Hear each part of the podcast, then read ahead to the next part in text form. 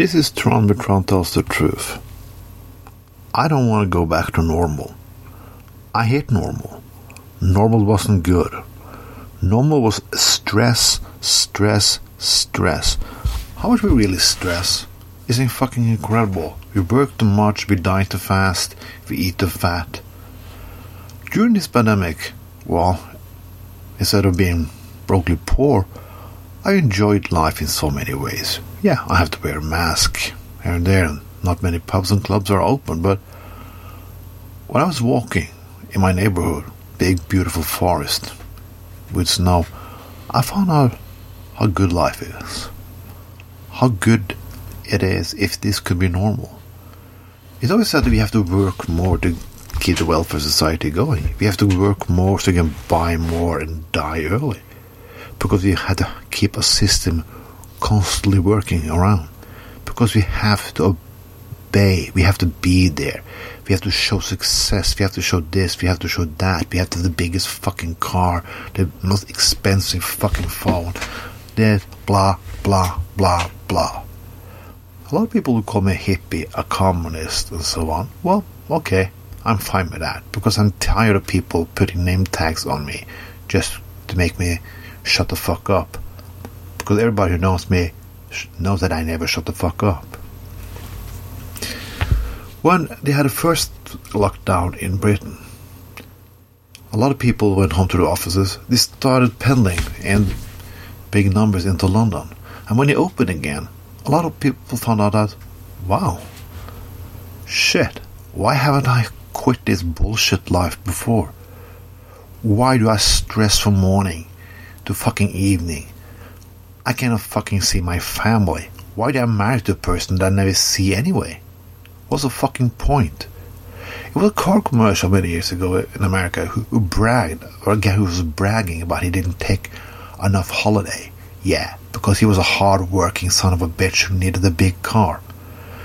Yeah, I'm happy with my penis, so I don't need to spend one more extra work month a year just to buy a bigger one. It's incredible how you cannot enjoy fucking life more. I hope today's system breaks down. The problem is, then the people on top have to break down. People like, yeah, you know, you know the guys. You know, the guy from Tesla, the guy from Amazon, and so on. Those guys are just being richer and richer and richer because we want to sit there in our fucking flats, our houses, and be fucking paranoid. Yeah, now the Republicans try to blame it on China again. Yeah, of course they do. Chinese people are always the blame for every fucking thing.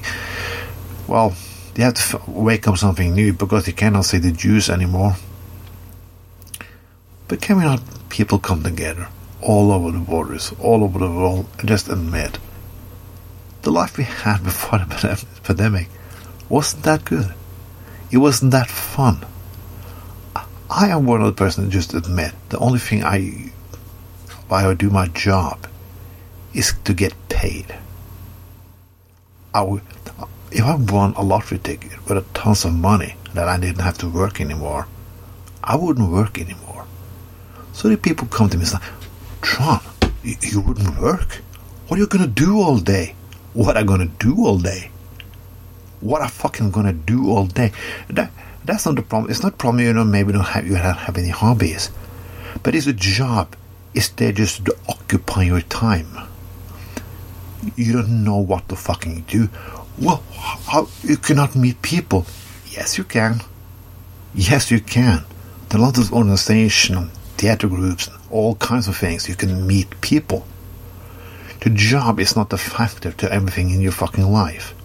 The only way, the reason why the job is there is fucking to get paid, to pay your fucking bills, put food on the table.